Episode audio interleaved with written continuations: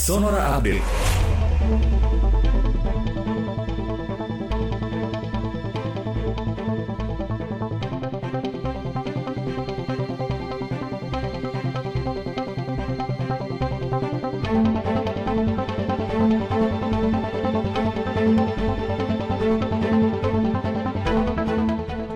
Selamat malam. Tempat cuci darah atau hemodialisis khusus pasien COVID-19 di Jakarta tersisa satu tempat tidur saja.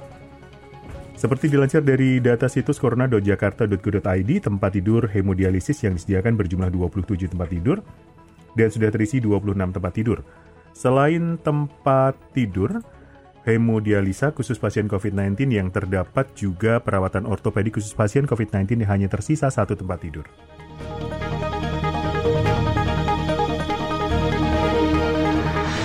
Kurs rupiah dalam perdagangan sore ini ditutup melemah di level 14.202 rupiah per dolar Amerika Serikat dan dari penutupan sebelumnya. Direktur TRFX Garuda Berjangka Ibrahim mengatakan penguatan dolar Amerika tersebut didorong oleh ekspektasi pasar terhadap inflasi Amerika Serikat yang diproyeksi mendorong Bank Sentral Amerika Serikat atau The Federal Reserve atau The Fed untuk mengurangi jumlah stimulus. Kementerian Kesehatan Jerman melaporkan ke Johnson Johnson bahwa jutaan dosis vaksin COVID-19 yang diterima telah rusak atau terkontaminasi. Untuk itu, Kementerian Kesehatan Jerman meminta pengiriman dosis baru sebagai gantinya. Besaran yang diminta Jerman adalah 6,5 juta dosis di bulan Juli.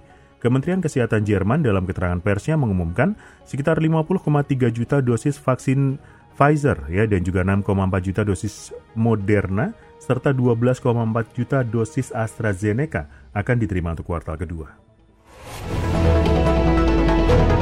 Demikian Sonora Update.